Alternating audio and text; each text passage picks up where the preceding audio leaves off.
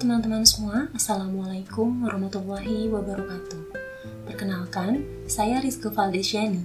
Saat ini, saya bertugas sebagai dosen pada Prodi Pendidikan Manajemen Perkantoran Universitas Pendidikan Indonesia. Senang bisa menyapa teman-teman semua melalui Anchor. Pada segmen perdana ini, saya akan membahas materi mengenai korespondensi bahasa Indonesia – Sebenarnya, seperti apakah konsep dasar korespondensi bahasa Indonesia? Mari kita simak penjelasan berikut ini. Korespondensi berasal dari kata korespondens dalam bahasa Inggris yang berarti hubungan yang terjadi antara pihak-pihak yang terkait. Di dalam organisasi atau suatu lembaga, hubungan yang terjadi antara pihak-pihak tertentu, baik internal ataupun eksternal, banyak dilakukan dengan menggunakan surat atau disebut dengan surat menyurat. Oleh karena itu, korespondensi kemudian diartikan sebagai kegiatan surat menyurat. Surat merupakan sarana penyampaian informasi yang sangat penting bagi organisasi, baik organisasi pemerintah maupun swasta. Di tengah perkembangan teknologi maju yang pesat, surat sebagai sarana komunikasi kedinasan masih dianggap sebagai sarana komunikasi yang efektif dan efisien. Kegiatan komunikasi menciptakan hubungan antara satu pihak dengan pihak lainnya melalui kegiatan surat menyurat. Komunikasi dilakukan melalui proses baik secara internal maupun eksternal.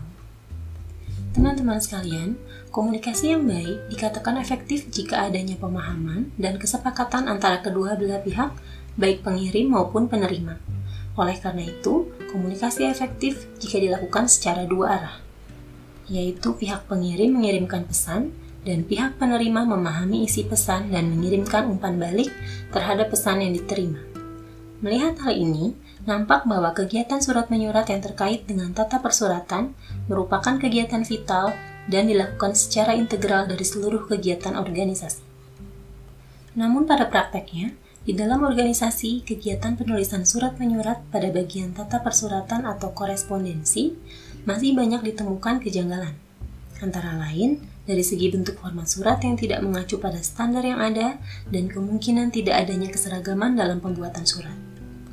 Kurang tepatnya penulisan surat yang bersifat kedinasan antara lain penggunaan huruf dan tanda baca yang menyalahi kaidah penulisan surat, pemakaian kalimat yang tidak sistematis, dan bentuk rincian yang tidak sesuai dengan informasinya. Terjadinya kesalahan dalam penulisan surat ini disebabkan karena belum adanya pemahaman terhadap ketentuan-ketentuan yang berlaku dalam pembuatan surat dinas yang menyangkut tata persuratan dinas pada organisasi. Oleh karena itu, materi ini penting diketahui oleh pejabat arsiparis untuk menunjang pelaksanaan tugasnya. Teman-teman sekalian, demikian tadi bahasan kita tentang konsep dasar korespondensi bahasa Indonesia. Semoga bermanfaat dan sampai jumpa lagi di kajian korespondensi bahasa Indonesia selanjutnya bersama saya, Rizka Valdesiani. Wassalamualaikum warahmatullahi wabarakatuh.